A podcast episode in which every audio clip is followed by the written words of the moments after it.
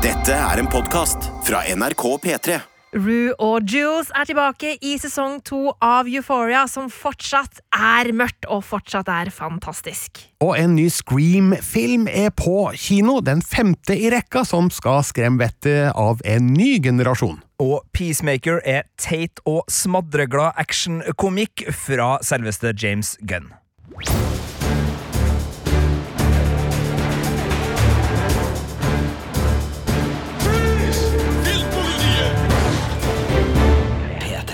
Her i studio sitter Birger Vestmo, Marte Hedenstad. Og Sigurd Vik. og hvis du hører denne podkasten i appen NRK Radio, da hører du den før all andre. Ja, fordi at det er sånn at våre podkaster kommer først i appen NRK Radio, og så etter en ukes tid så havner den på Spotify og iTunes og de der stedene. Ja, så det vil si at Hvis du sitter på Spotify eller iTunes eller en annen podleverandør og syns denne podden virker litt eh, gammel, eh, så er det fordi at eh, den er kanskje det for deg, da. Eh, Da er det bare å begynne å bruke appen NRK Radio for å få Filmpolitiets podkaster. Det inkluderer også eh, Mandalorian-spesialer, Wheel of Time-spesialer og andre spesialer. De finner du altså først i appen NRK Radio. Ja, det var litt corporate information på starten av denne podkasten, men det skal handle om eh, en ny film og to nye serier. Og vi skal først snakke om en andre sesong veldig mange har gleda seg til, Marte. Ja, altså 2019, det året var preget, for å si det mildt, av Euphoria, og nå er altså sesong to her. When I first met her, I was just immediately in love. Rue? How you doing?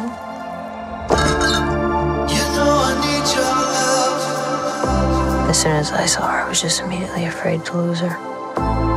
When'd you relapse? For de som ikke har sett den første sesongen av Euphoria, kan du gi en kort beskrivelse av hva det her er, Marte? Ja, altså dette her er jo eh, en high school-serie, eh, men den er for et ganske voksent publikum.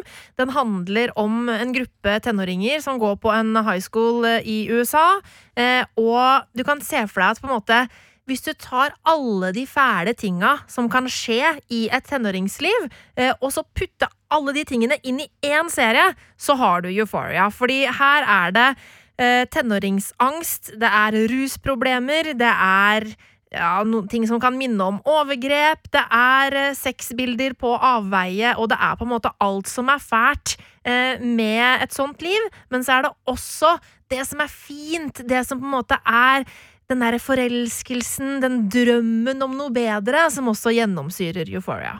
Og så er det jo også en serie som har begeistra med filmspråket og den visuelle stilen, og, og som virkelig har liksom eh, gått forbi veldig mange andre high school-serier på det området. Selvfølgelig, det er en HBO prestisjedramaserie, men det er jo også uh, folk som, som lager det her, som virkelig er kunstferdige, og som vil nå med det å få lov til å fortelle den historien her på, med, med levende bilder og, og lyd. Ja, det er akkurat det. Serieskapet Sam Levinson han bruker Altså, han utfordrer TV-serieformatet, da. Eh, og sånn, jeg syns det er veldig fascinerende hvordan han spesielt i første sesong eh, lar eh, Zendaya, som spiller Rue, være en litt sånn forteller som man ikke alltid nødvendigvis eh, skal stole på.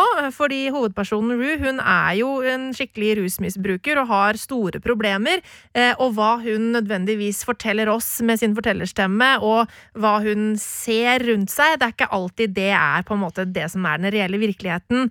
Eh, Sånn at det påvirker både handlingen, men også den visuelle stilen. Og det er noen øyeblikk opp gjennom i Euphoria som er på en måte vonde og vakre på samme tid, fordi materien som det handler om er såpass mørk, men den visuelle stilen er såpass fin. Men den første sesongen var altså en av de beste som kom det året. Riktig, den kom vel på tredjeplass på vår toppliste over de ti beste seriene i 2019. Og da er jo spørsmålet, greier sesong to å følge opp denne suksessen? Altså, eh, den første sesongen fikk terningkast fem etter de fire første episodene, og så oppgraderte jeg det til en terningkast seks da hele sesongen var ferdig. Eh, nå har jeg sett syv av åtte episoder av sesong to, og jeg er på en terningkast fem. Så jeg regner med at hvis ikke det skjer noe helt vilt i liksom siste episode, så, så blir det en femmer på terningen til sesong to. Eh, og det, det, betyr jo at dette her er fortsatt knallbra, eh, men der jeg trekker litt ned, det er at det er ganske mange rollefigurer man blir kjent med i Euphoria, eh, og alle de skal få plass i løpet av sesongen. Og i denne sesongen så er ikke alltid Sam Levinson er like god på å balansere hvor mye tid de ulike rollefigurene får i TV-ruta. og det betyr at det er noen av de som blir litt underfortalt. Sånn som for eksempel Hunter Shafer er jo helt fantastisk i rollen som Jules. Og noe av det som var det viktigste i sesong én, var jo forholdet som Rue og Jules hadde, og den forelskelsen som eh, ble bygd der. Eh, mens i sesong to så syns jeg det ble litt for lite Jules, og hun blir kanskje i litt for stor grad brukt mer som et eh, Nest, ikke, det, er, det, er, ikke direkte et plot device kun for å fremme Rue sin karakterutvikling, men mye av det som skjer med Juice, er på en måte stort sett for å på en måte fortelle oss hva som skjer med Rue. Um, og så er det også en annen rollefigur som heter Cat, som i første sesongen uh, hva skal jeg si Prøvde å ta litt større plass i sitt eget liv, prøvde å finne seg sjæl og sin egen seksualitet, og begynte å utforske litt grann rundt omkring det. Eh, hun blir litt sånn stuck i én handlingstråd fra første sesong, som på en måte, fordi hun ikke har rom til å på en måte finne på noe nytt, så, så blir, hun, blir, den tværa ut, sånn at hennes historielinje kan bli litt sånn kjedelig, nesten. Um, så det trekker ned. Men det som er positivt, er at vi får lov til å bruke veldig mye mer tid med en del andre rollefigurer i serien, som og jeg elsker jo det. Altså, eh, vi får, eh, får, se liksom bakgrunnshistorien til eh, faren til Nate. Um, Nate er jo da en rollefigur som er liksom kjekkasten på skolen. Han er liksom den feteste fyren, har de peneste damene og hele den pakka der, men han er òg en skikkelig psykopat. Eh, og har sterke problemer. Og det er jo på grunn av faren, ikke sant. Eh, og det å få lov til å få et innblikk i hvem faren er, og få mer om hans bakgrunnshistorie, er veldig, veldig kult. Um, og så er jeg også veldig glad for at vi får lov til å uh, bli bedre kjent med Angus Cloud sin uh, rollefigur. Uh, det er han som spiller han doplangeren som på en måte har et han har et hjerte av gull og er på en måte en utrolig god venn for Rue, altså Fesco, eh, men han er jo en skikkelig Han er jo en krim, skikkelig kriminell skurk. Eh, og hans, å få litt innblikk i hvordan han har vokst opp, og hvordan han har blitt som han har blitt, eh, får vi lov til å være med på i sesong to, og det er bare Det er helt fantastisk. Du, Si at eh, serieskaperen Sam Levinson leker med TV-formatet. Mm. Hva legger du egentlig i det? Altså, i denne sesongen her så er det um, sånn at det er en um, rollefigur som uh, heter Lexi, spilt av Maud Apatow, som setter opp et teaterstykke. Uh, og dette teaterstykket får lov til å prege denne andre sesongen uh, i stor grad mot slutten av sesongen. og der ser man spesielt hvordan på en måte Sam Levinson utnytter de ulike formatene. Altså Han tar dette teaterstykket og smelter det sammen med den virkeligheten vi lever i. For at eh, Lexi har da skrevet dette teaterstykket som hun setter opp på skolen, eh, som en sånn eh, altså Det handler om livet på skolen. Det handler om hun, og det handler om vennene hennes.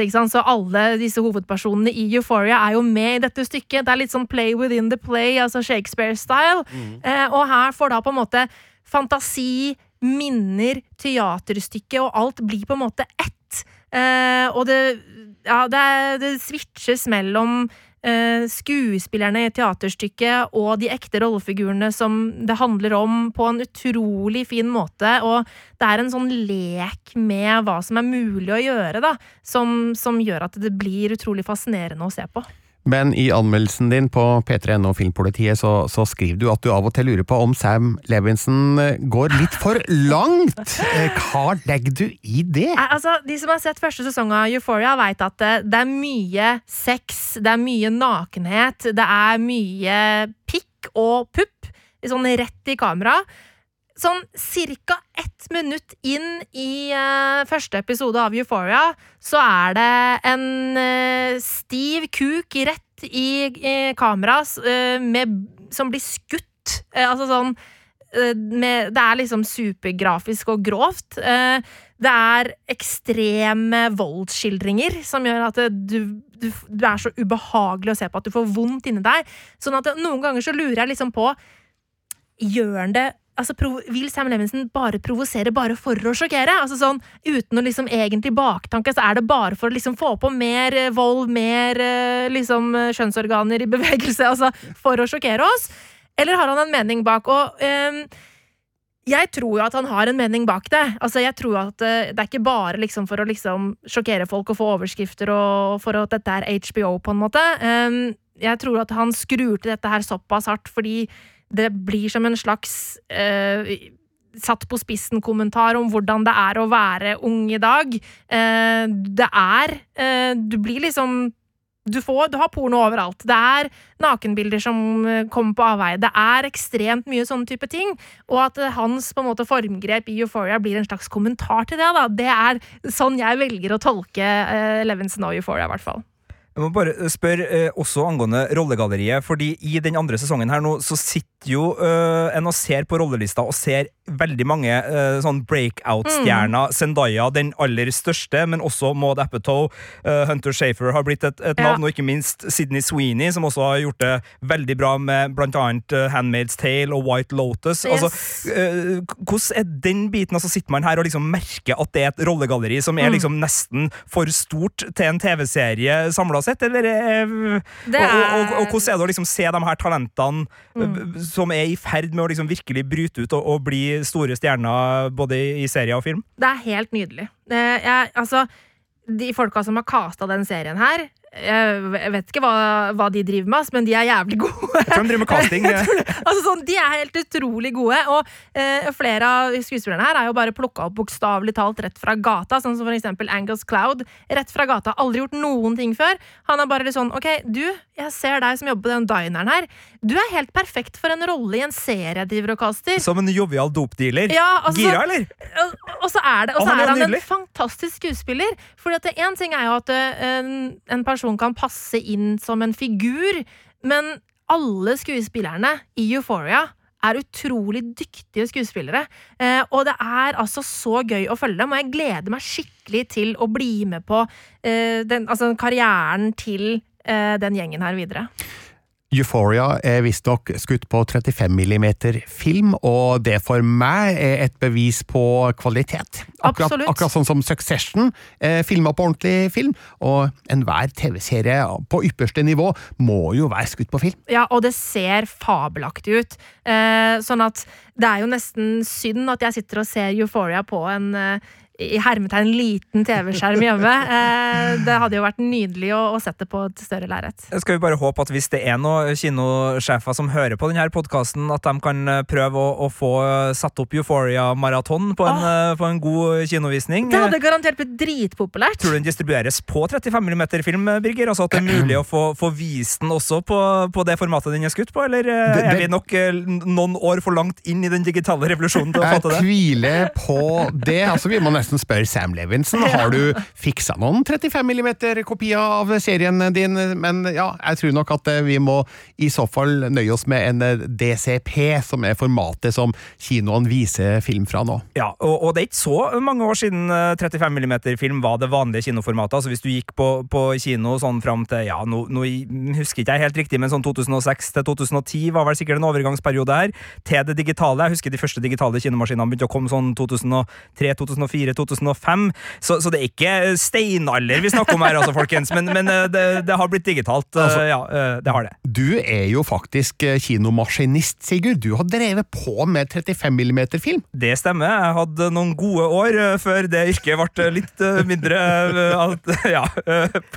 Eh, Det var litt mindre jobber å, å få, men eh, jeg, jeg var jo så heldig at jeg fikk lov til å vise film for Cinemateket, eh, som da viser arkivfilm i, i stor grad, og da er det jo på dobbeltanlegg, sånn at man skifter rull eh, og, og får vise fram de gamle filmene som da finnes rundt omkring på ulike arkiv i, på 35 mm og, og 16 mm og andre ting, og, og må da se etter disse sigarettmerkene, som er sånn nedtelling, sånn at man starter opp eh, akt 2 og akt 3 rett, sånn at man får uh, skifta maskin, da, sånn at det blir en sømløs opplevelse for publikum, noe som det ofte ble, eh, og av og til så kan det hende at noen hadde en høne å plukke med maskinisten. Eh, sånt skjer jo.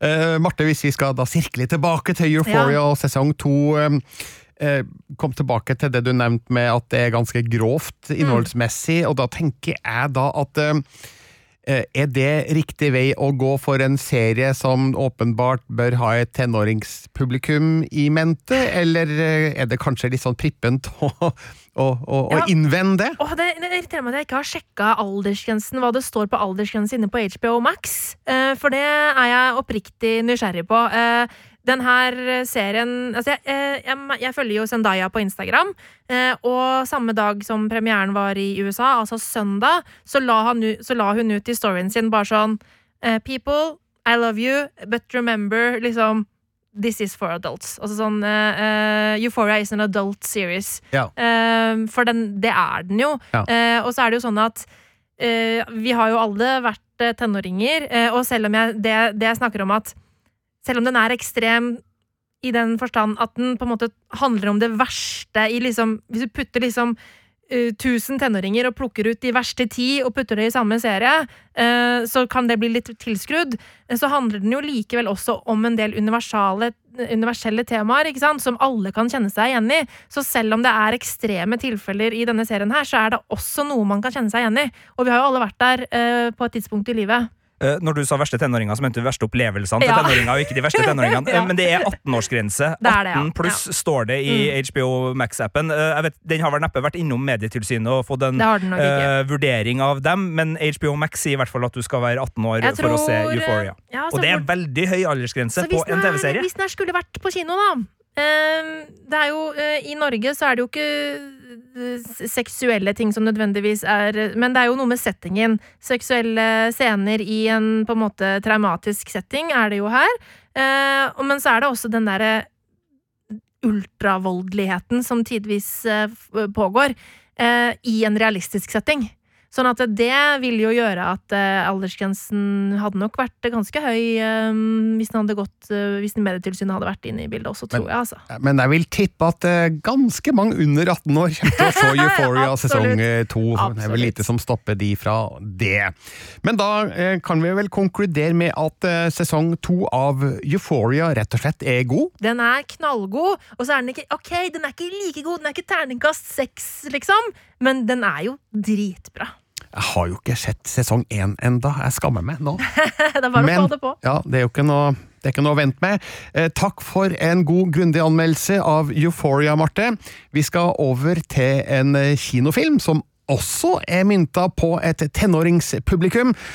Som tåler litt eh, blodige saker, eh, nemlig Scream.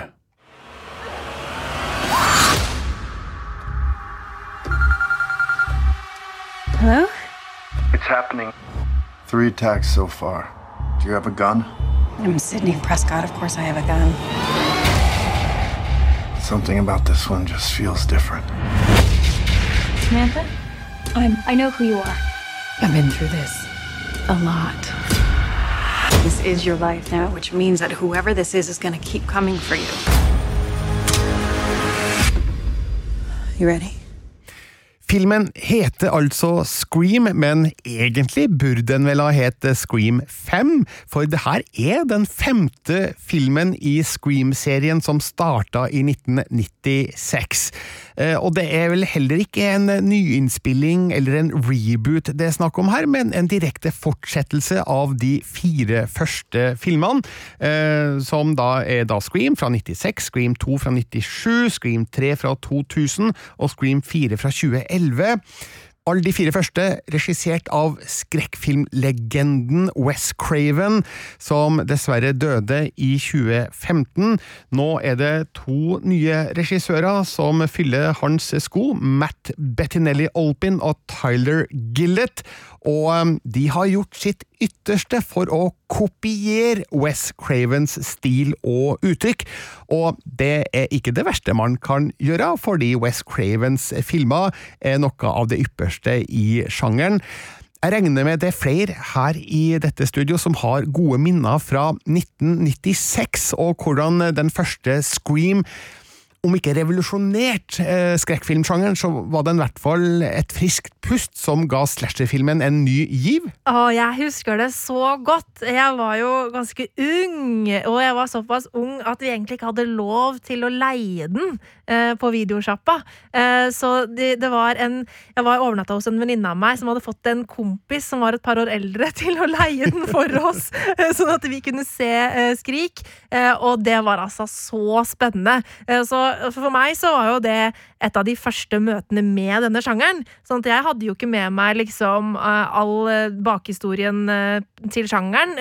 Så jeg har jo virkelig liksom vokst opp med Skrik og kommet inn i liksom slasher-sangeren via, via den, da veldig glad i den første uh, Scream-filmen. Men det som er litt fascinerende, her er at den var jo på en måte en metafilm uh, og en humørfylt en sådan uh, angående her skrekkfilmsjangeren som den har operert innenfor. Så fikk jo den en del oppfølgere, men den fikk også en hyllestparodifilmserie ja. som het Scary Movie. Jeg vet ikke hvor mange som kom av dem. Det var mange! Det var mange, Og nå, da, eh, så mange år etterpå, så kommer da uh, Scream 5. Uh, hvordan gyver de løs på det her? Fordi de lever jo i en sfære nå der det har både blitt parodiert, hylla, parodien har blitt hylla. Det, altså, det, det er jo så mange metalag her at man vet jo ikke helt altså, Er det tilbake til røttene, eller er det her en, en metafilm?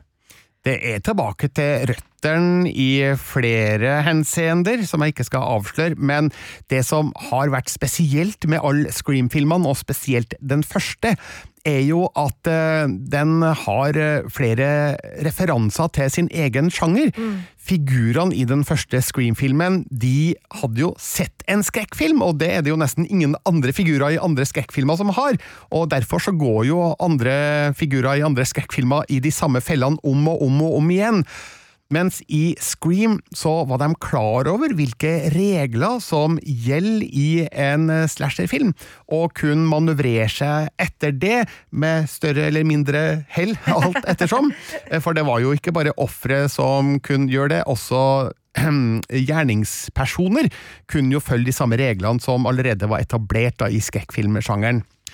Og i oppfølgerne så har jo eh, skrekkfilmsjangeren blitt eh, kommentert videre, men også da eh, samtidsfenomener, som for eksempel i, i Scream 4, eh, som jeg faktisk så denne uka, fordi det gikk opp for meg at den har jeg ikke sett. Eh, der eh, det, handler det mye om sosiale medier, om Facebook og Twitter, og om det er en rollefigur som livecaster med sitt videokamera på, på YouTube. Så hele tida så har Scream-serien da referert eh, ting som skjer i populærkulturen, eh, både når det gjelder skrekkfilmsjangeren og teknologiske nyvinninger. Og det gjøres også i Scream 5, eh, som blant annet tar for seg det her stadig økende fandom-fenomenet mm. som vi ser på på internett, der fans rett og slett kan bli sure og sinte når eh, filmserier ikke gjør det man ønsker at de skal gjøre, og det stilles spørsmål ved om filmskaperne ikke bryr seg om oss når de gjør det de gjør. Men det er tydelig at um, filmskaperne av Scream 5 de bryr seg veldig om uh, Scream-serien og om West Cravens arv, og de har greid å lage en film som trykker på mange av de samme knappene som den første Scream gjorde så godt. Uh, det er rett og slett en retur til Woodsboro, den fiktive byen fra den første filmen, som vi også har hatt flere gjensyn med. En ny gruppe unge mennesker blir trua av en ny skrikmaskert Ghostface-morder. Eh, vi møter da blant andre Sam, spilt av Melissa Barrera. Eh, kjæresten hennes Richie, spilt av Jack Quaid. Sønn av Dennis Quaid, for øvrig, for de som husker han. En litt gammel referanse der. Jo, men han spiller vel også i The Boys, eh, gjør ikke han, ikke han hovedpersonen der? Det, jo, Jack, ja. Det er i hvert fall sønnen til Dennis Quaid i The Boys, så kanskje han har flere sønner. Men... Det er helt riktig. Ja. Og så er det da Sams søster Tavra, spilt av Jenna Ortega, og kameraten hennes Wes, spilt av Dylan Minette. Og det er vel lett å tenke seg til at eh, den rollefiguren har fått navnet sitt etter Wes Craven, da, som jo satte i gang hele Scream-serien.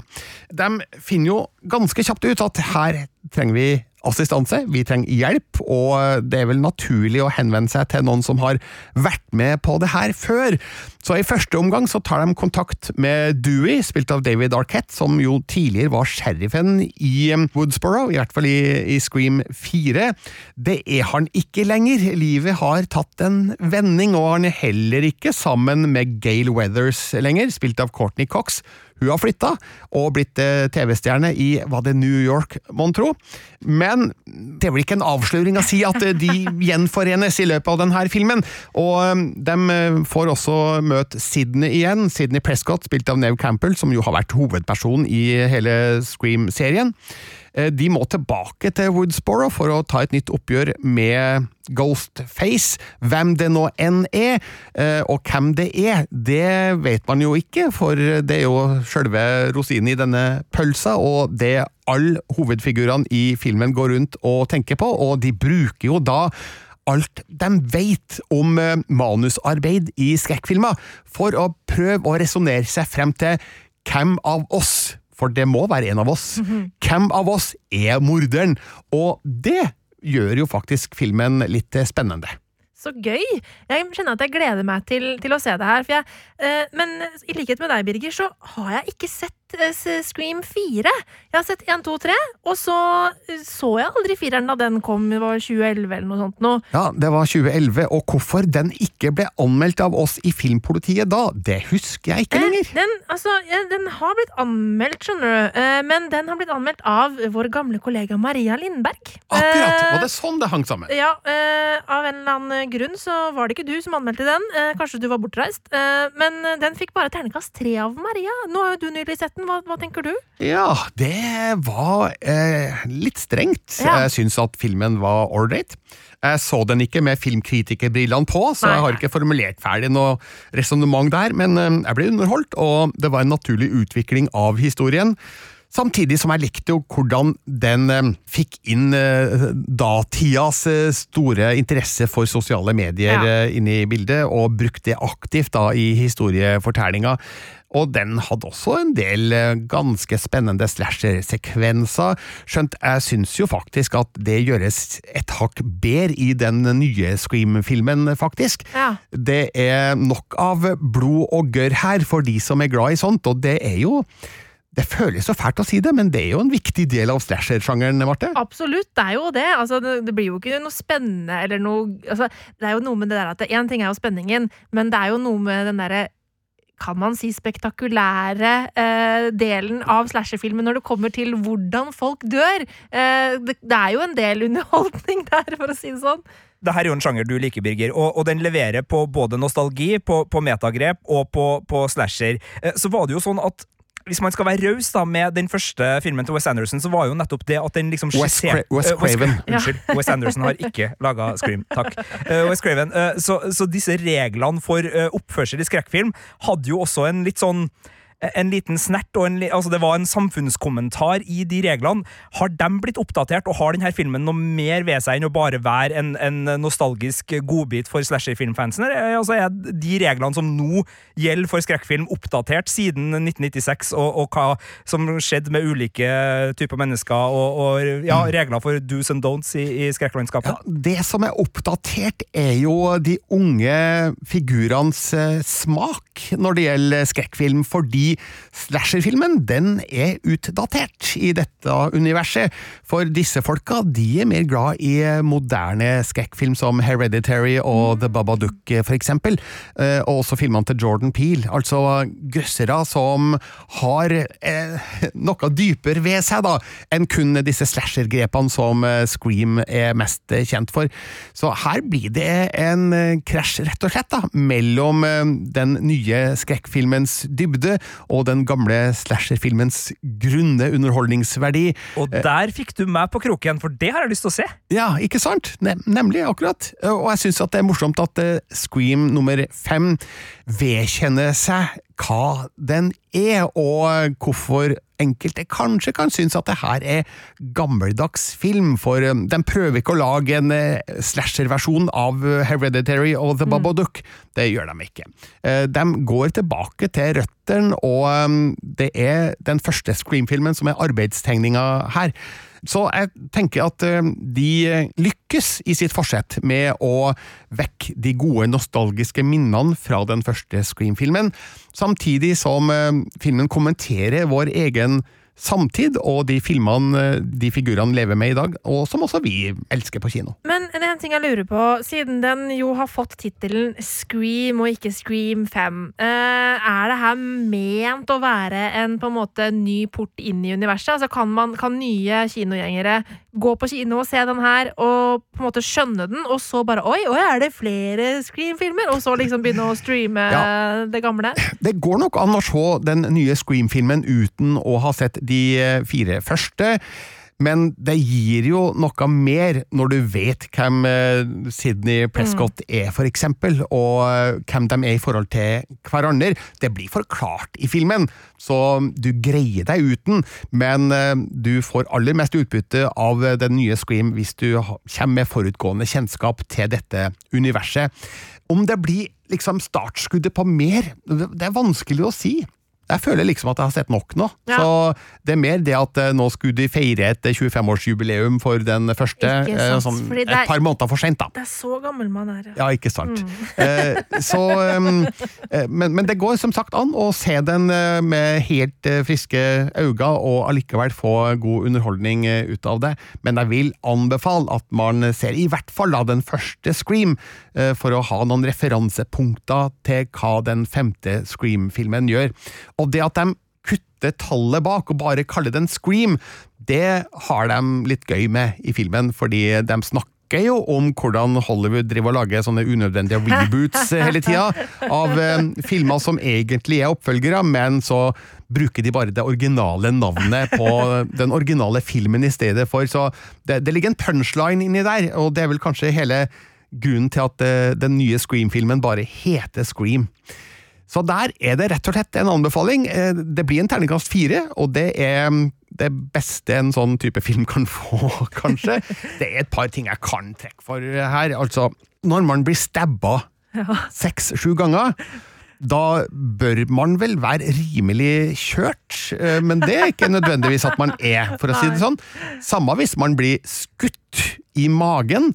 Eh, så bør man være satt ut av spill ganske umiddelbart, men det trenger man ikke nødvendigvis å være. Så det er jo en film som ikke er troverdig, egentlig, og ja, vi vil jo ikke at den skal være troverdig heller, men det er bare et par ting av den typen her da, som er litt sånn teit.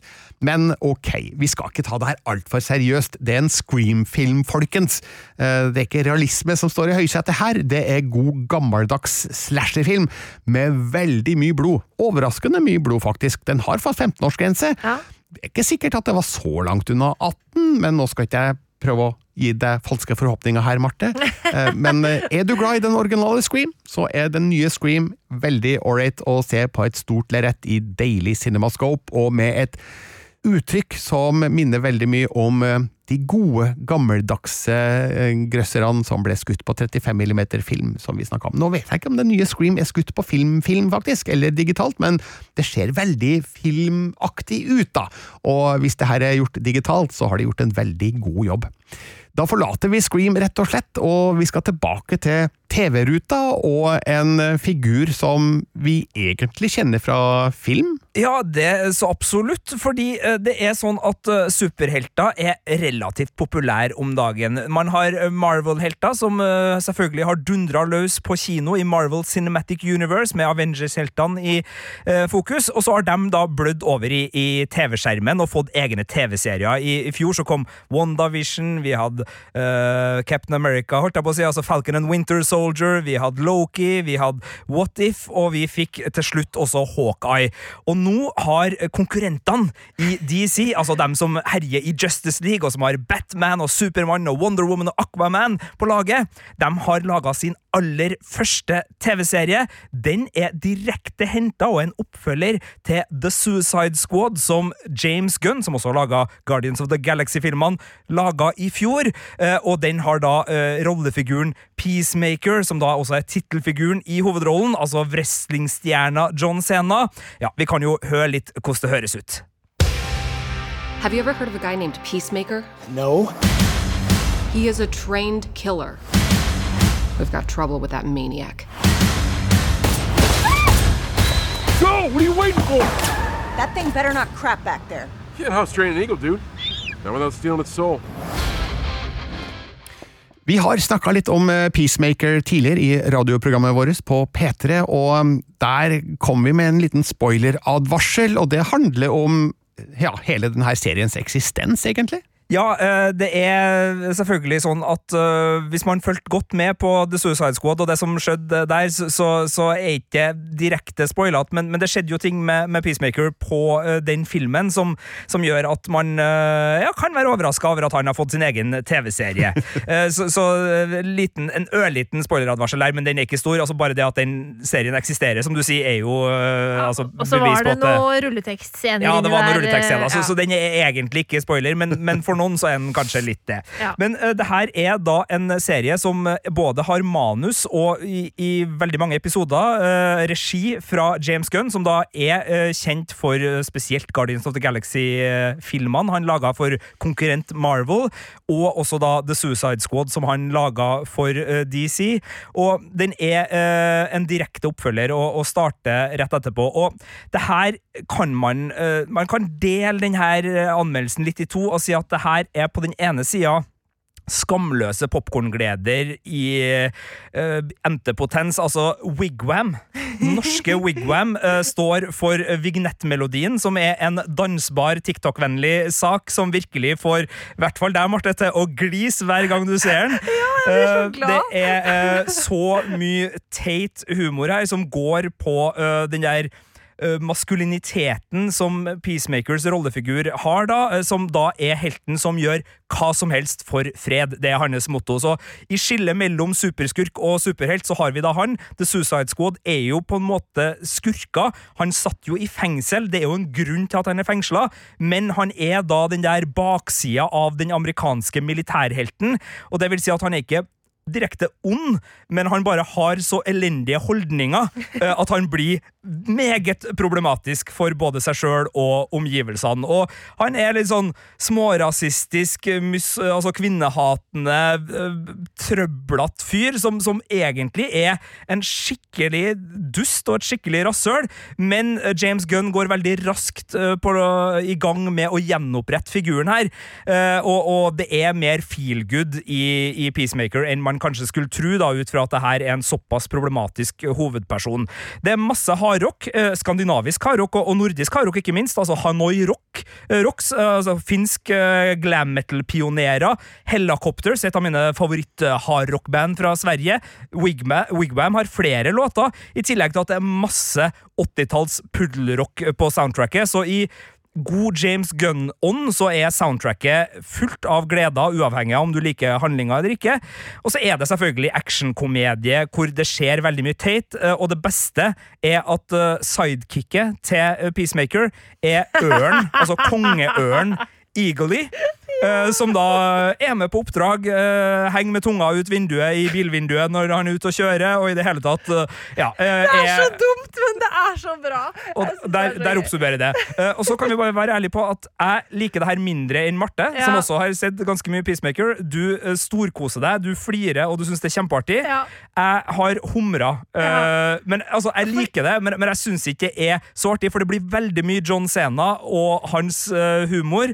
Og jeg så det, jeg så sju episoder på rappen, og da, da ble det overdose, rett og slett. Ja, det skjønner jeg, at syv episoder på rappen. Men samtidig, jeg så fire episoder på rappen. Det er så langt jeg rakk å se. Uh, og jeg elska det jo, men det handler jo litt om uh, Hvis man er glad i John Sina eh, og liker den derre utrolig teite humoren eh, som han driver på med, eh, så, vil du på en måte kose deg med Peacemaker. Men, men, men du, du, er litt mer sånn Det blir litt for lettvint. Det er litt for ja, simpel humor. Det er mye lavthengende ja. humorfrukt som plukkes her. Og, og det er litt sånn som du snakka om også, Birger, med, med, med Scream. Altså det, det, er en del sånn opplagte vitser som de tar. Uh, altså, de, de dundrer på med det, så, så det, det, føles ikke veldig raffinert, uh, det her. Det, på ingen måte raffinert. Noen, og, og, der vil jeg også si at det ligger noen hakk uh, under det vi er vant med fra James Gunn. Spesielt i Guardians of the Galaxy-filmene så er humoren bedre.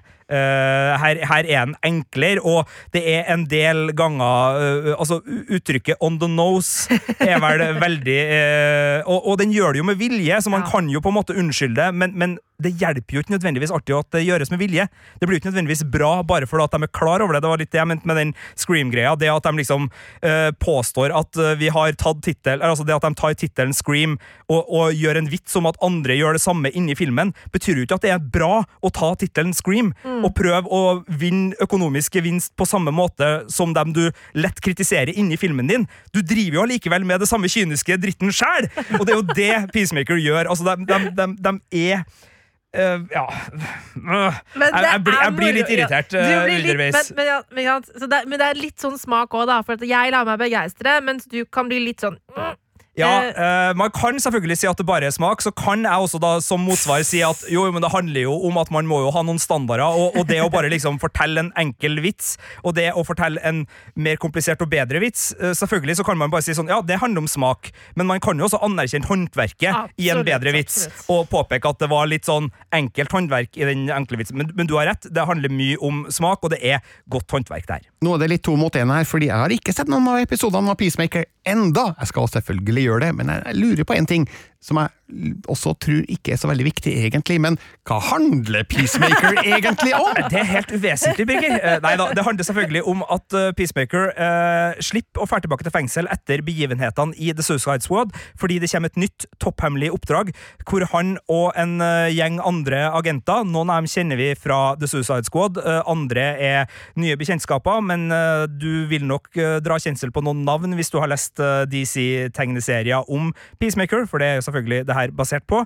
Uh, og jeg skal ikke si hva uh, plottet er, men det er et ganske klassisk 80-tallsfilm uh, redde verden-plott, som er så enkelt og tåpelig at du kan gjøre så å si hva som helst innenfor de plottrammene uten at fiksjonstroverdigheten blør en eneste dråpe. Så øh, hvis du har sett din dose uh, Mission-filmer fra 80-tallet, så, så, er det her uh, relativt kjent farvann, for å si det enkelt. Og så vil ikke jeg si noe mer, fordi det er jo selvfølgelig uh, en film som henger sammen med et større DC Extended Universe, det her, og, og litt av gleden underveis er jo å, å oppdage plottets vrier, fordi det er klart, her er man jo i det litt sånn suspekte landskapet hvor heltene er egentlig skurker, og uh, sjefene til de her heltene er også litt skurkeaktige, i og med at de er villige til å bruke skurker for å gjøre det som de mener må gjøres. Så vi er i den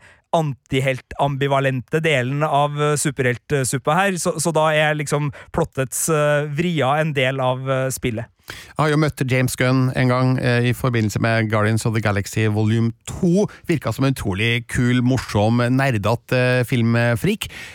Men han er jo kjent for sånne enorme filmer, altså de to Guardians of the Galaxy-filmene og The Suicide Squad, og jeg tenker, er det plass til han i TV-ruta? Altså, tar han med seg kinoestetikken sin eh, til skjermen? Eh, ja og nei. Han tar ikke med det mest spektakulære og storstilte actionøset. Det, det, gjør han ikke. I likhet med Hawkeye faktisk, så er det her en serie som er mye mer gatenær, og som er mindre opptatt av uh, overnaturlige superheltkrefter. Det her er uh, folk som selvfølgelig uh, Ja, det, det, det, skal ikke si at det er fritt for det, men, men den, er litt mer gatenær, og, og kampene er også mer neveslagsmål og skyting og eksplosjoner som er innenfor et mer Uh, ja, uh, actionfilmsegment som, som, er uh, overførbart til TV-ruta uten at det mister veldig mye av sin storhet.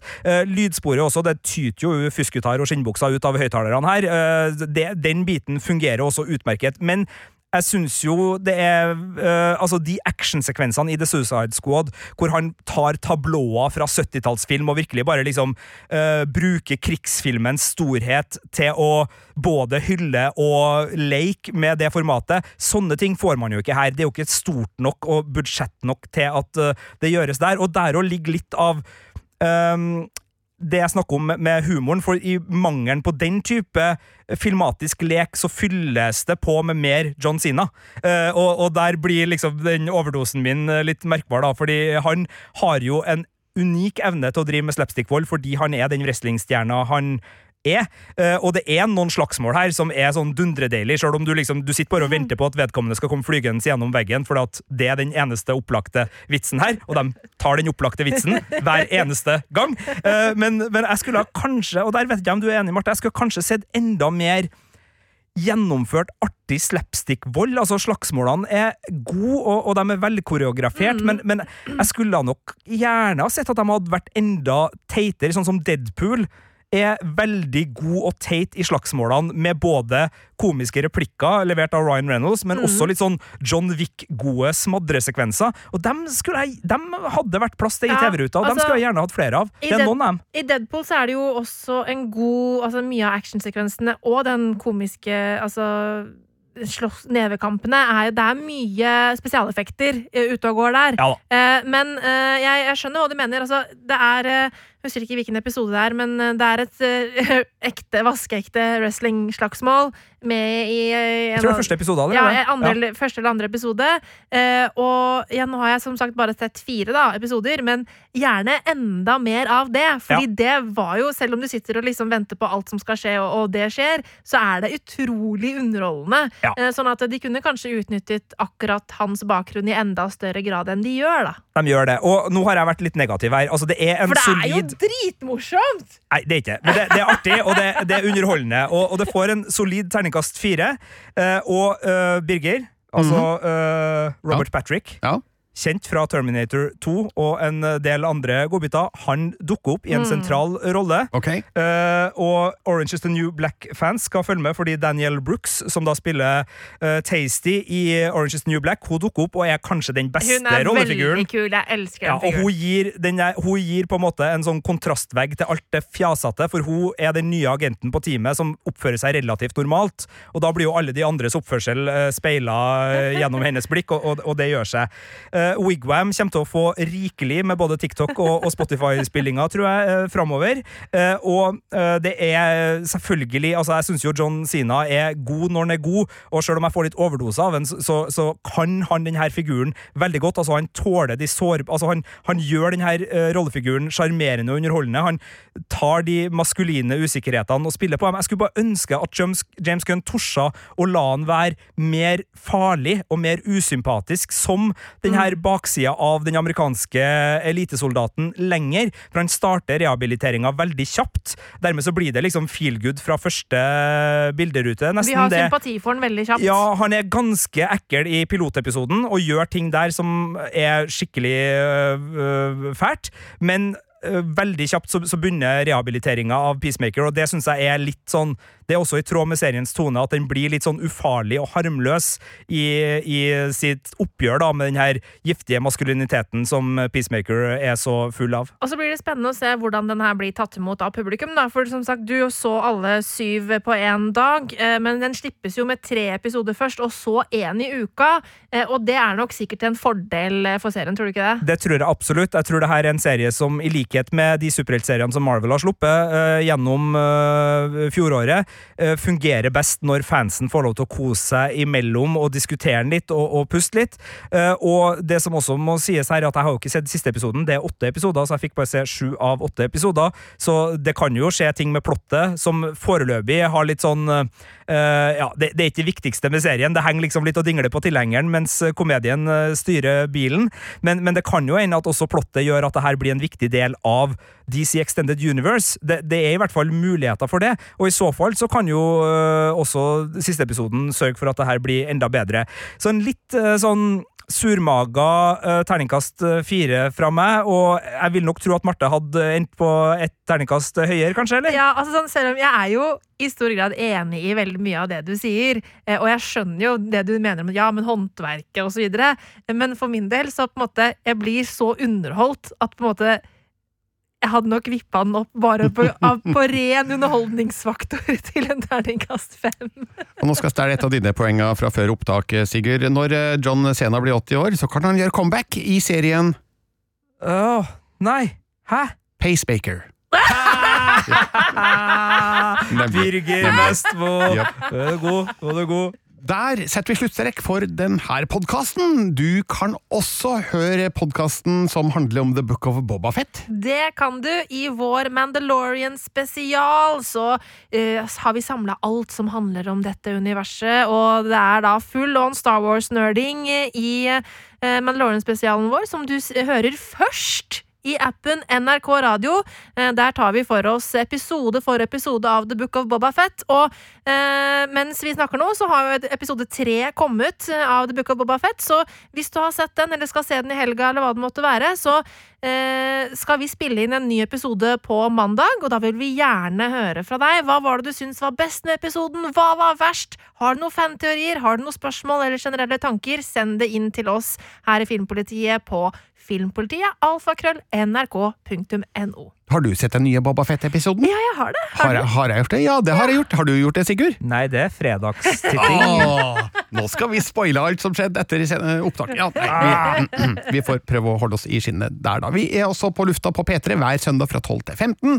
Du kan lese anmeldelsene våre på p3.no filmpolitiet, og e-postadressa vår er filmpolitiet alfakrøll nrk.no.